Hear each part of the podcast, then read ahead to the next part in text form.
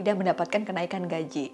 Walaupun mungkin klise ya, ada yang bilang juga kayak ya bersyukurlah masih dapat gaji gitu. Tapi sebenarnya ini faktor basic yang membuat kita tuh survive di dalam perusahaan. Kalau kita lihat nih ya teman-teman, ada orang yang pintar secara intelektual, tapi kenapa ya dia nggak bisa perform? Nah bisa jadi pada saat dia memiliki kondisi career plateau tadi, kalau kita kaitin, dia itu cenderung terjebak di dalam kompetensi yang sifatnya tuh monoton gitu. Pernah nggak sih kamu ngerasa karirmu tuh stuck dan gak ada perubahan, terus kamu ngerasa bosan. Tapi pengen resign juga khawatir karena kita lagi ngalamin situasi yang gak pasti ke depan. Karir plateau atau sebuah istilah yang ditemukan di tahun 1977 tentang kondisi seseorang yang merasa nggak terkoneksi lagi sama kerjaannya karena nggak tahu uh, dia nggak bisa dapat jabatan yang lebih tinggi, nggak ada challenge dan ini membuat semangatnya tuh setiap ke kantor tuh kayak nggak kayak dulu lagi gitu. Kalau kamu ngerasain hal ini, stagnasi di uh, dalam karir atau dalam pekerjaan kamu, ini ternyata mempengaruhi dampaknya cukup besar terhadap kehidupan personal yang mengarah kepada beberapa kondisi seperti stres, cemas, khawatir, bahkan ke arah depresi. Nah, apa sih sebenarnya yang membuat seseorang bisa mengalami stagnasi dalam karir mereka? Yang pertama bisa jadi faktor struktural. Jadi teman-teman beberapa waktu yang lalu aku tuh diminta berjalan-jalan di beberapa perusahaan organisasi ya, bahkan yang udah sebesar besar BUMN atau multinational company yang kita sering dengar nama perusahaannya atau perusahaan swasta pun itu tuh masih ada yang namanya uh, birokrasi yang membuat struktural itu tuh kayak nggak bisa semudah itu tangga karirnya gitu. Ada yang pengaruh karena emang perusahaan lagi bertransformasi, ada yang emang karena kuota dan lain sebagainya. Jadi akhirnya faktor-faktor ini yang membuat potensi seseorang dalam bekerja itu kayak nggak bisa uh, optimal lagi gitu. Dan beberapa waktu lalu uh, ketika aku ketemu ketemu di sesi konseling maupun training, orang-orang ini tuh kayak ngerasa nggak punya pilihan lagi gitu. Karena ya udahlah, yang tadinya dia berharap pengen ada di satu titik, tapi kayak udah lama banget di struktural yang mungkin nggak geser sama sekali karena di atasnya belum pindah, jadi dia nggak bisa ke atas gitu. Yang kedua adalah faktor konten. Jadi bisa jadi bukan karena struktural, memang di dalam uh, pekerjaannya itu tidak membutuhkan banyak layer sehingga konten yang dilakukan tuh hanya sifatnya monoton. Jadi kalau misalnya teman-teman bekerja di startup, ya nggak jauh-jauh dari perusahaanku aja gitu ya. Kadang-kadang tuh kita harus ber pikir caranya gimana uh, memutar uh, job desk seseorang supaya dia nggak ngerasa bosan gitu kan. Atau mungkin selama bertahun-tahun dia tuh kayak ngerjain kerjaan yang sifatnya monoton. Tapi bisa jadi ini tuh kayak sesuatu yang menjadi tantangan nggak cuma buat si individu tapi juga buat perusahaannya makanya sering banget kalau teman-teman ngerasa ada di dalam kebosanan karena faktor konten ini kayaknya butuh uh, ngobrol dua arah deh antara uh, perusahaan dan juga si orang yang memang lagi kerja atau pekerja itu gitu. Supaya konten ini bisa di-upgrade dan mendapatkan uh, variasi pekerjaan yang membuat konten itu nggak monoton. Yang ketiga adalah faktor biologis. Jadi kehilangan minat sehari-hari dalam aktivitas kita itu kayak sesuatu yang mungkin bisa jadi karena faktor uh, diri gitu. Kelelahan, terlalu capek kerja, atau ada masalah personal yang sampai akhirnya mempengaruhi uh, biologis kita untuk bisa semangat lagi dalam bekerja.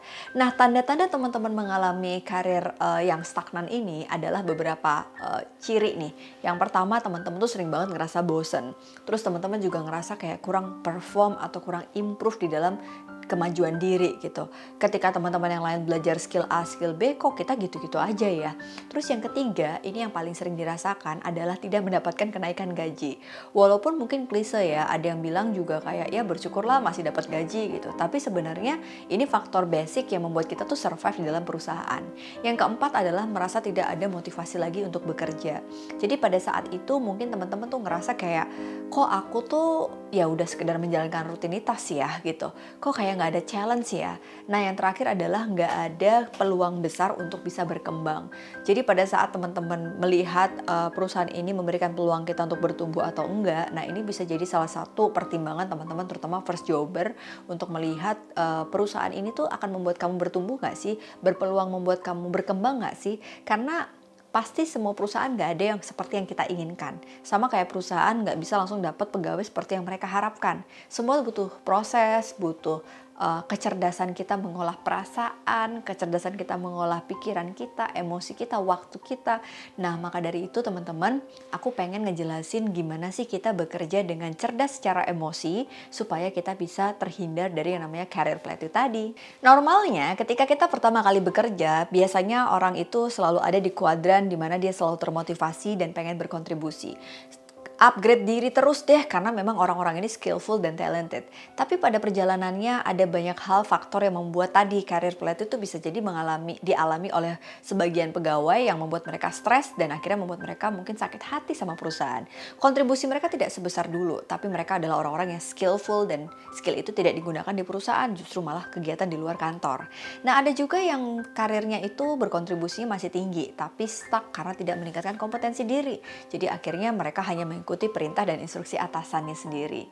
Nah, kalau didemin lama-lama, bisa jadi ini akan membuat toksik di kantor mereka. Ada tiga hal yang membuat seseorang itu bisa karirnya tuh optimal di dalam bekerja, yaitu irisan dari kecerdasan intelektual mereka, emosional mereka, dan karakteristik kepribadian.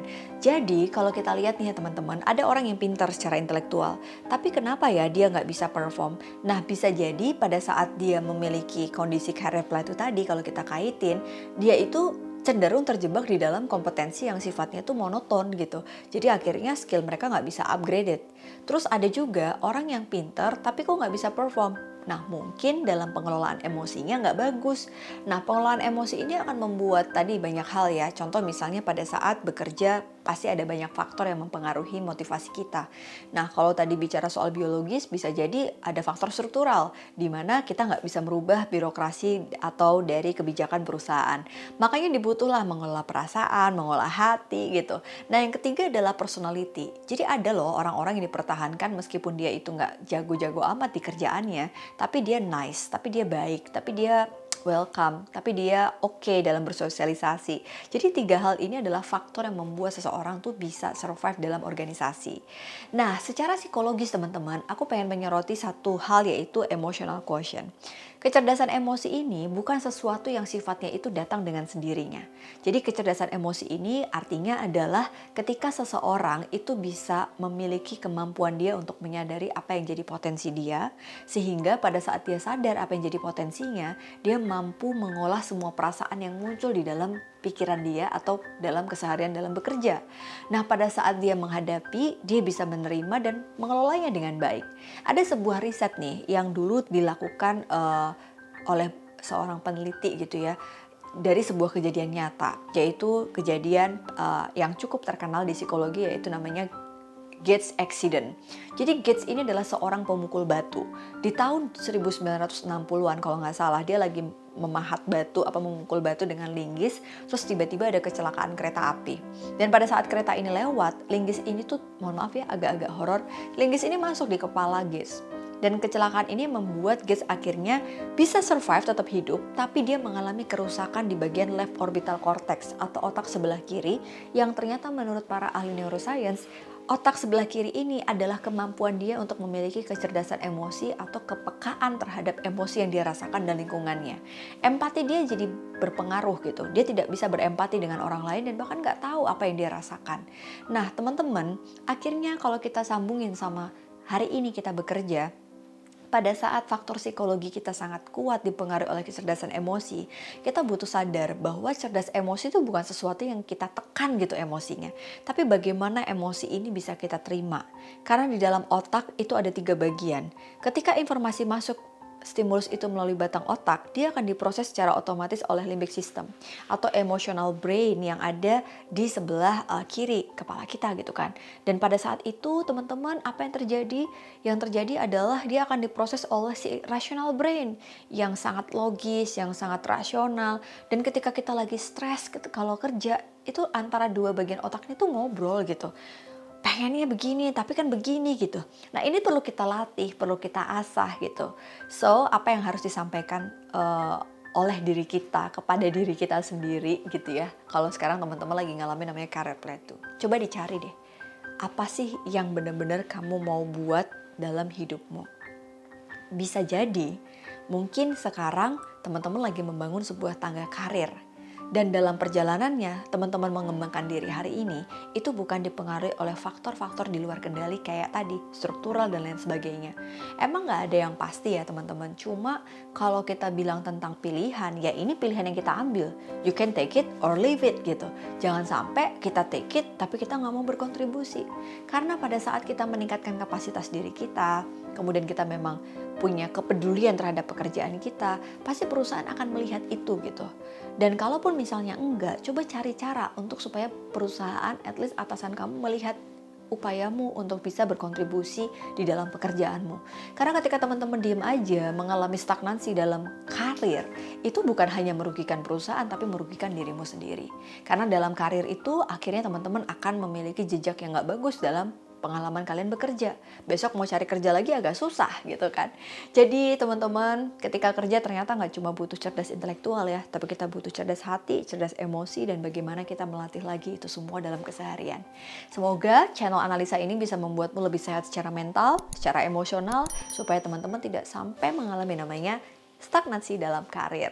Apalagi stagnasi yang dibuat oleh diri sendiri, nggak mau berkembang, aduh rugi banget deh. Oke, okay, thank you teman-teman. Sampai jumpa di episode berikutnya. Assalamualaikum warahmatullahi wabarakatuh.